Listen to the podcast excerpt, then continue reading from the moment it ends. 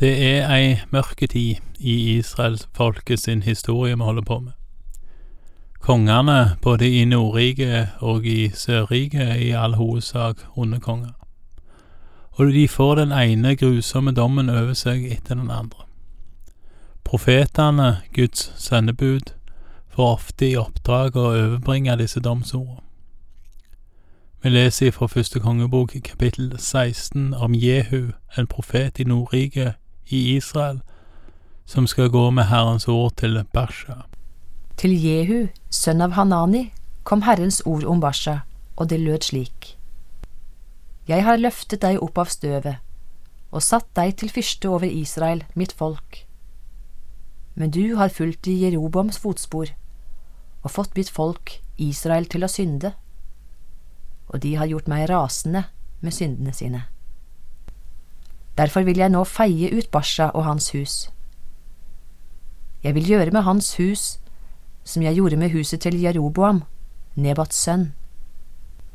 Den av Bashas ett som dør i byen, skal hundene ete opp, og den som dør ute på marken, skal fuglene under himmelen ete opp. Jeg må innrømme at jeg lurer litt på av og til hva profetene tenkte når de fikk sånne budskap. Ikke bare skal ei ett utryddes, men det skal ikke komme i grav noen av de, virker det som. De som dør i byen skal hundene spise opp, og de som dør på marka skal fuglene ta. Profeten Jonah stakk av ifra sitt oppdrag når han skulle til byen Ninive. Forståelig nok, spør du meg. Jehu, sønn av Hanani, har åpenbart gått med sitt budskap, som vel oppsummeres i at syndens lønn er døden. Vi leser videre fra vers fem. Det som ellers er å fortelle om Basha og det han utrettet, om hans storverk, står skrevet i israelskongenes krønike. Så gikk Basha til hvile hos sine fedre. Han ble gravlagt i Tisha, og hans sønn Ela ble konge etter ham. Gjennom profeten Jehu, sønn av Hanani, var Herrens ord også kommet til Basha og hans hus. Han hadde ikke bare gjort alt som var ondt i Herrens øyne, og gjort ham rasende, slik Jeroboams hus hadde gjort. Han hadde også gjort ende på Jeroboams hus. Det sies generelt lite om Basha og hans ett, utover at ikke han heller gjorde det som var rett i Herrens øyne, og at kongemakta blir tatt ifra han, og hans ett på samme måte som Jeroboam. Og her utsettes, eller utslettes med andre ord hele etter. Et annet likhetstrekk er at det ikke skjer før i neste ledd. Som Jeroboam fikk sønnen Nadab på tronen, så får Basha sønnen Ela. Vi leser videre fra vers 8. I det 26. året Asa var konge i Juda, ble Ela, sønn av Basha, konge i Israel. Han regjerte i Tisha i to år.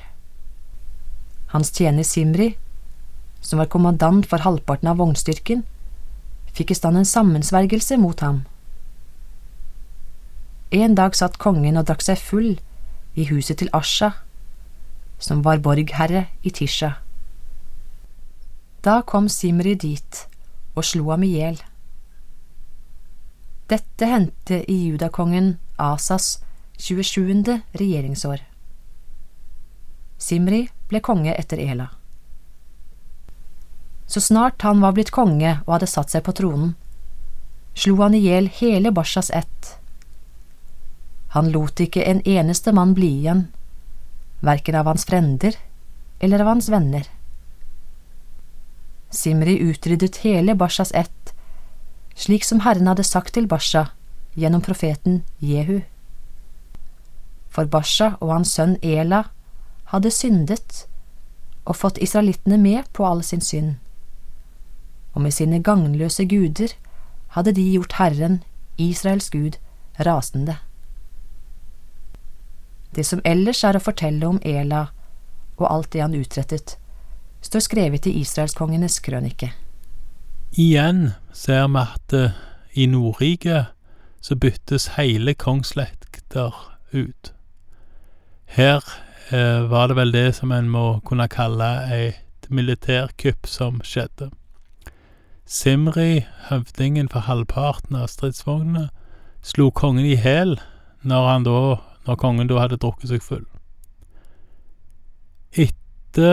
Etterpå, altså rett etter han hadde sett seg på tronen, så drepte han alle av Bashas ett, slik som profeten Jehu hadde forutsatt.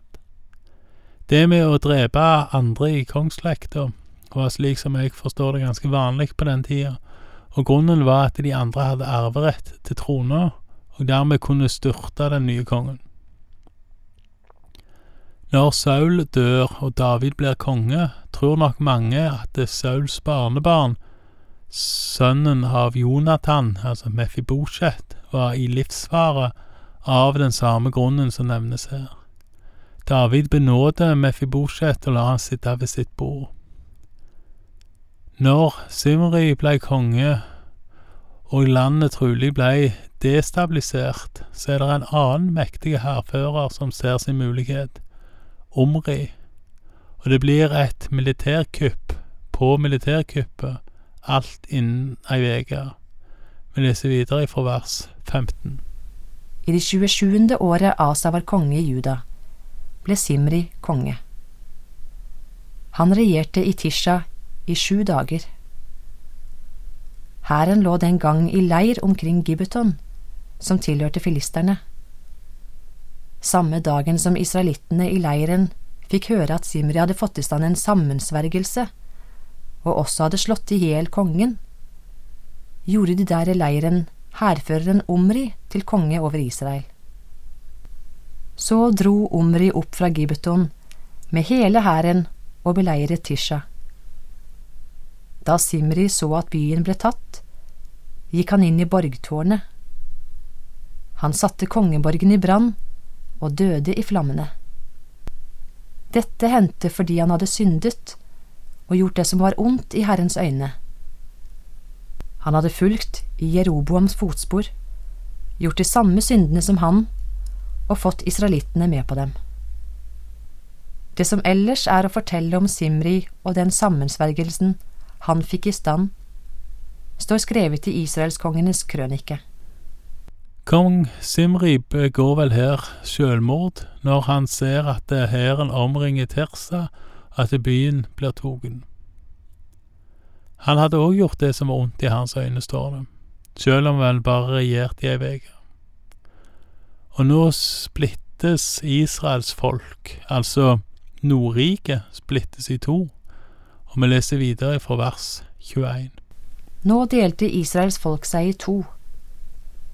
Den ene halvparten av folket fulgte Tibni, sønn av Ginat, og ville ta ham til konge. Den andre halvparten fulgte Omri. De som holdt med Omri, fikk overtaket over dem som holdt med Tibni, sønn av Ginat. Så døde Tibni, og Omri ble konge. Denne Tibni som nevnes her, ble vel egentlig aldri konge. Det blir Omri, hærføreren som kringsatte eller erobra Tirsa, som da dreiv Simri til sjølmord. Omri kommer til å være konge en hel del år. Vi leser videre fra vers 23.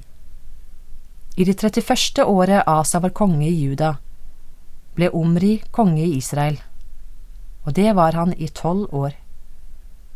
I Tisha regjerte han i seks år. Omri kjøpte Samariafjellet av Shemer for to talenter sølv. På det fjellet bygde han en by og kalte den Samaria etter Shemer, som hadde eid fjellet. Omri gjorde det som var ondt i Herrens øyne. Han gjorde mer ondt enn noen før ham. Han fulgte helt i fotsporene til Jeroboam, Nebats sønn, og gjorde de samme syndene som han hadde fått israelittene med på. Med sine gagnløse guder gjorde han Herren, Israels Gud, rasende. Det som ellers er å fortelle om Omri og det han utrettet, om hans storverk, står skrevet i Israelskongenes krønike. Så gikk Omri til hvile hos sine fedre. Han ble gravlagt i Samaria, og hans sønn Ahab ble konge etter ham. Og om Omri står der at han gjorde det som var ondt i Herrens øyne. Og her står det faktisk at han var verre enn noen av de som hadde kommet før ham. Han vakte herme hos Herren Israels Gud. Omri tilhørte den fjerde kongslekta på Israel Nordrikes trone. Når han dør, kommer hans sønn Ahab, eller Akab, på tronen. Han var, som vi skal lese, verre enn sin far igjen. Vi leser videre fra vers 29. I det 38. året Asa var konge i Juda, ble Ahab, sønn av Omri, konge i Israel. Han regjerte over Israel i Samaria i 22 år. Ahab, sønn av Omri, gjorde det som var ondt i Herrens øyne, mer enn noen annen før ham. Det var ikke nok med at han gjorde de samme syndene som Jeroboam, Nebats sønn. Han giftet seg også med Jeshabel, datter til et Baal, sidonernes konge, og begynte å dyrke Baal og tilbe ham. I det Baal-tempelet han bygde i Samaria, reiste han et alter for Baal.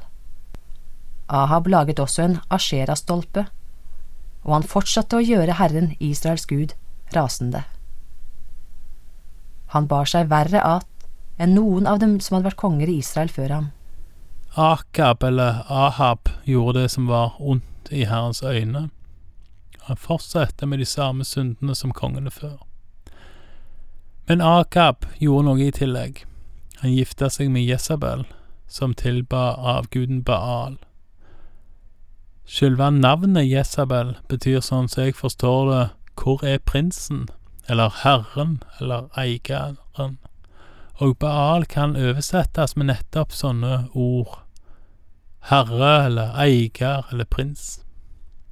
Jesabel tilba slik sett Baal òg, bare med sitt eget navn. Som vi skal lese i det videre, så var nok Akab vond eller ond men kona var nok på mange måter enda verre. Til sammen var de et fryktelig par.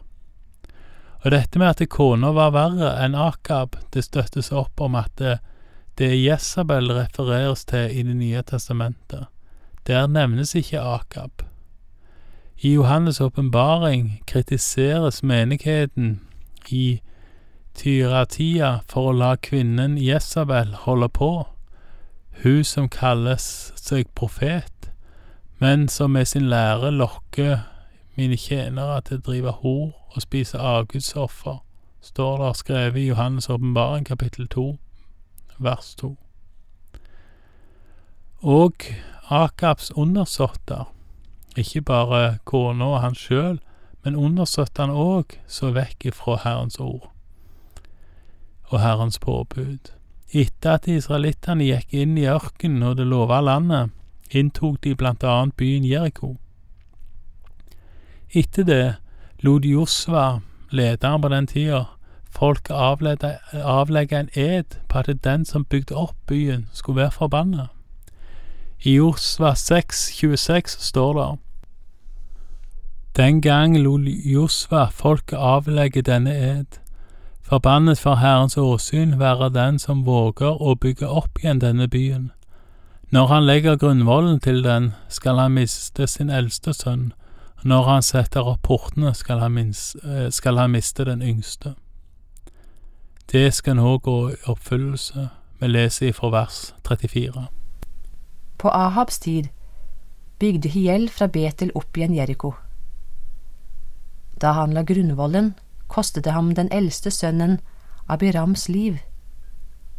Og da han satte opp portene, kostet det ham den yngste sønnen, Segubs, liv.